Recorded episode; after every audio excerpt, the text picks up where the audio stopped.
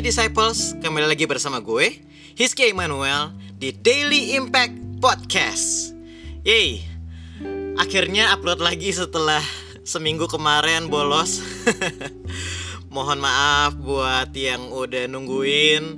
Uh, belakangan ini podcastnya agak ketunda, ketinggalan. Jadi uh, tapi thank you juga sih yang udah nungguin setia sampai sekarang podcast ini akhirnya muncul lagi. Um, tapi kita masih ada di dalam suasana minggu-minggu paskah ya. Jadi hari ini gue mau bahas tentang topik Thomas. Nah, salah satu ketika uh, Tuhan Yesus menampakkan diri kepada murid-muridnya itu kemarin kan kita udah bahas waktu murid-muridnya lagi dalam ketakutan mereka kunci pintu ya mereka kunci ruangan tempat mereka ngumpul terus habis itu Tuhan Yesus menampakkan diri tapi ada satu orang yang nggak ada di sana namanya Thomas. Nah, Thomas ini lagi ngumpul sama tongkrongan murid-murid yang lain. Eh dia dengar cerita uh, teman-temannya, weh gue ngelihat Yesus, gue ngelihat Yesus bangkit. Masalahnya dia nggak percaya. Nah jadi kita lihat sekarang hari ini baca di Yohanes 20 ayat 24. Yesus menampakkan diri pada Thomas. Tetapi Thomas Seorang dari kedua belas murid itu yang disebut Didimus tidak ada bersama-sama mereka ketika Yesus datang ke situ. Maksudnya waktu Yesus menampakkan diri kemarin ya. Ayat 25, maka kata murid-murid yang lain itu kepadanya, kami telah melihat Tuhan. Tetapi Thomas berkata pada mereka, sebelum aku melihat bekas paku di tangannya, pada tangannya, dan sebelum aku mencucukkan jariku ke dalam bekas paku itu dan mencucukkan tanganku ke dalam lambungnya, sekali-kali aku tidak akan percaya gitu kan. Dia ngomongnya e, sebetulnya gue nggak bakal pernah percaya gitu. Dari zaman sekolah minggu, buat yang suka ikut sekolah minggu dari kecil pasti tahu kisah Thomas ya. Dan kebanyakan guru sekolah minggu bakal ngajarin bahwa Thomas ini adalah murid yang karakternya itu kurang percaya ya. Jadi orang yang meragukan gitu. Terus kita bakal dibilangin oh jangan jadi kayak Thomas ya meragukan Tuhan. Jadi Thomas ini dikatakan murid yang karakternya meragukan nggak percayaan. Karena Thomas bilang sebelum dia mencucukkan tangannya di bekas paku Yesus dan di lambung Yesus maka dia nggak akan percaya. Nggak akan pernah percaya nggak bisa percaya Nah sebenarnya yang kurang dibahas sama guru-guru sekolah minggu itu kenapanya? Kenapa kok Thomas nggak mau percaya gitu?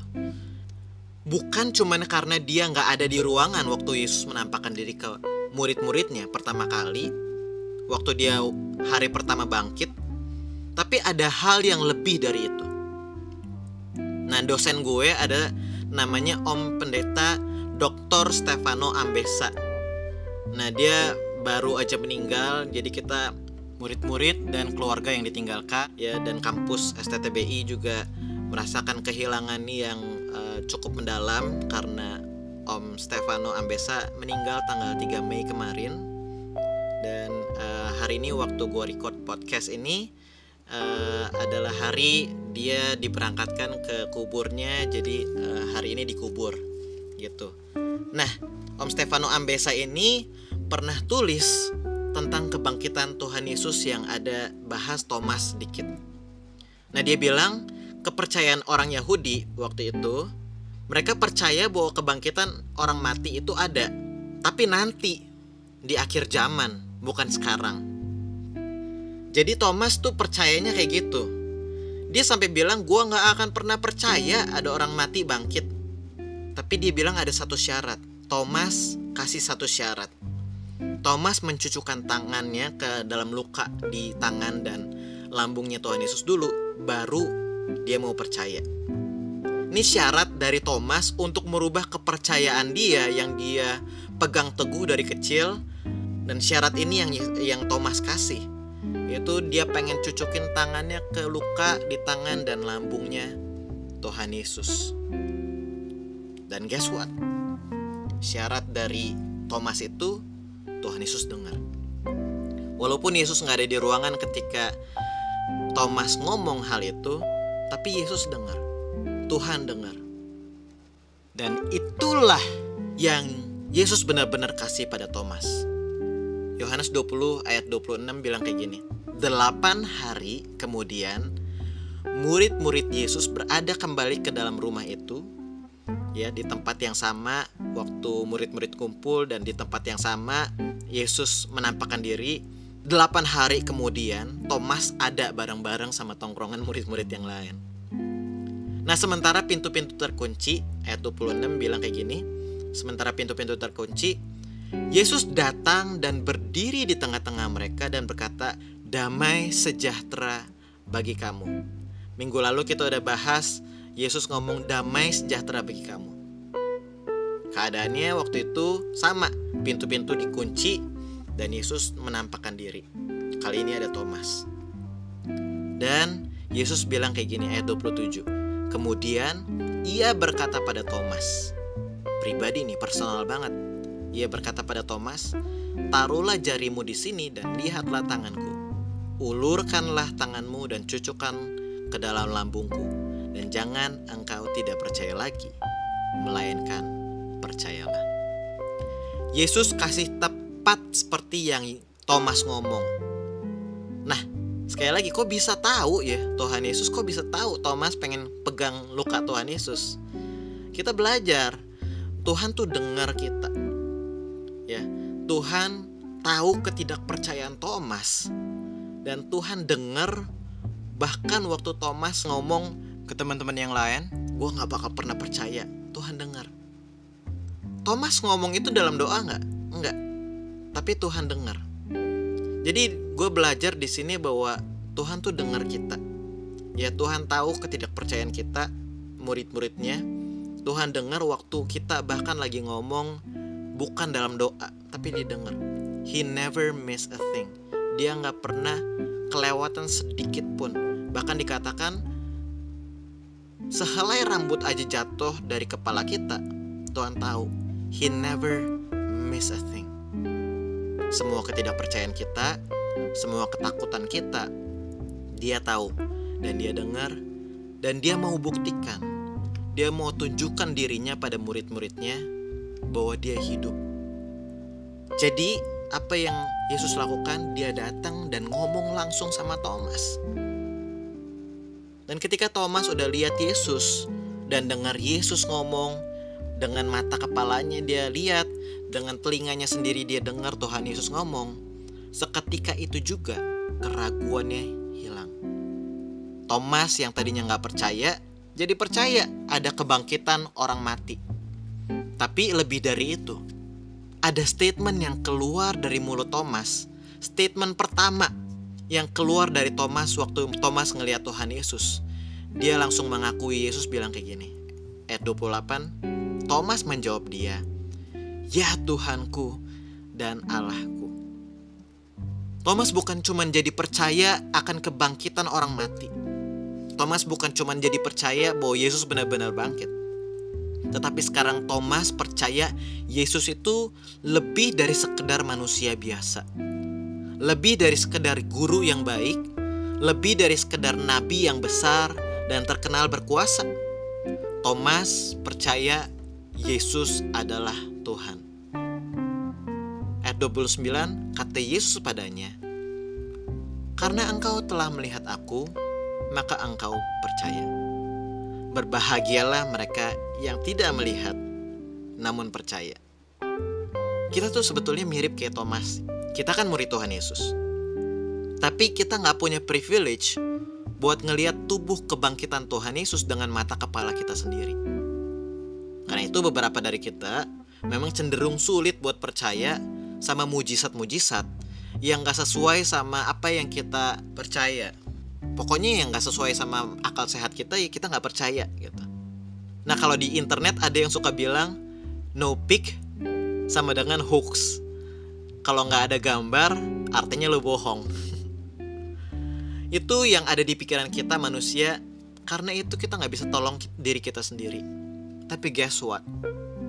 Dia dengar ketidakpercayaan kita dia tahu dia peduli sama kita.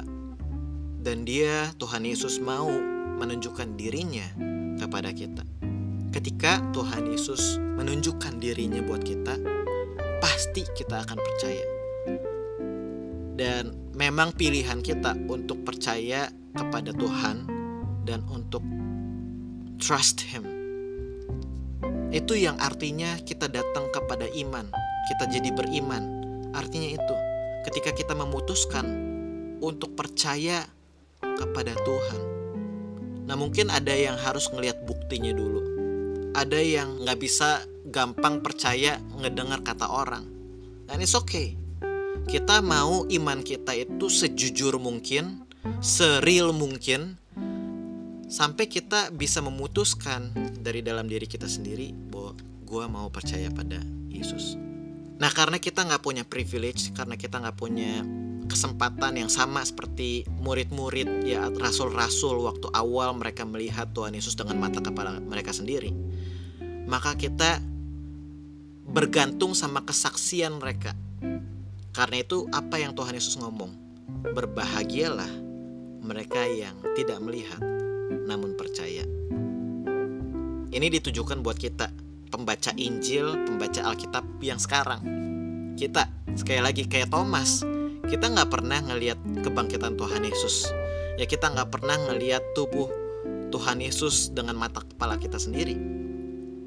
Tetapi kita datang pada iman kepercayaan kita karena kesaksian-kesaksian orang-orang ini murid-murid Tuhan Yesus yang benar-benar menyaksikan sendiri kesaksian-kesaksian mereka dan akhirnya jadi kita berbahagia kita blessed kita diberkati kita jadi untung banget kalau kita jadi percaya karena kesaksian Thomas ini. Nah, Yesus benar-benar bangkit dan dia mau menunjukkan kehadirannya buat kita yang masih ragu supaya kita jadi percaya. Jadi buat tutup renungan ini, gue mau ajak kita coba kita lihat lagi. Di area mana yang masih kita belum bisa mempercayai Tuhan atau kadang-kadang mungkin kita ada yang ragu ya dari Tuhan. Janjinya Tuhan apakah benar atau enggak ya?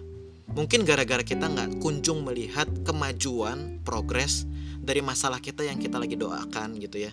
Udah bertahun-tahun, udah berapa lama. Kayaknya nggak ada progres, nggak ada kemajuan. Kayaknya Tuhan nggak dengar. Dan karena itu, iman kita mulai redup, kepercayaan kita mulai redup. Tapi hari ini, renungan hari ini kita belajar sekali lagi bahwa it's okay buat kita kalau kita belum percaya. Tapi kita bisa doa sama Tuhan supaya Dia menunjukkan kehadirannya buat kita. Gue percaya kehadiran Tuhan itu cukup untuk mengubah cara pandang kita dan kepercayaan kita pada Tuhan. Gue percaya ketika kita udah melihat Tuhan, melihat kehadiran Tuhan, maka kita bisa ngomong seperti yang Thomas bilang, "Ya Tuhanku dan Allahku." Jadi, sebelum kita tutup, Yuk kita doa. Tuhan, hari ini kami belajar bahwa Engkau mendengar kami. Engkau peduli sama kami. Bahkan satu murid dari banyak murid, murid-murid yang lain udah percaya, tapi cuma satu murid yang belum percaya, Engkau peduli sama satu orang yang kayak Thomas ini. Dan aku berdoa Tuhan, biar semua orang yang mendengarkan podcast ini hari ini bisa mulai menemukan Engkau secara pribadi di dalam doa mereka ataupun dalam keseharian mereka ataupun dalam komunitas mereka biar mereka melihat engkau hadir di dalam hidup mereka dan mereka bisa kembali percaya kepadamu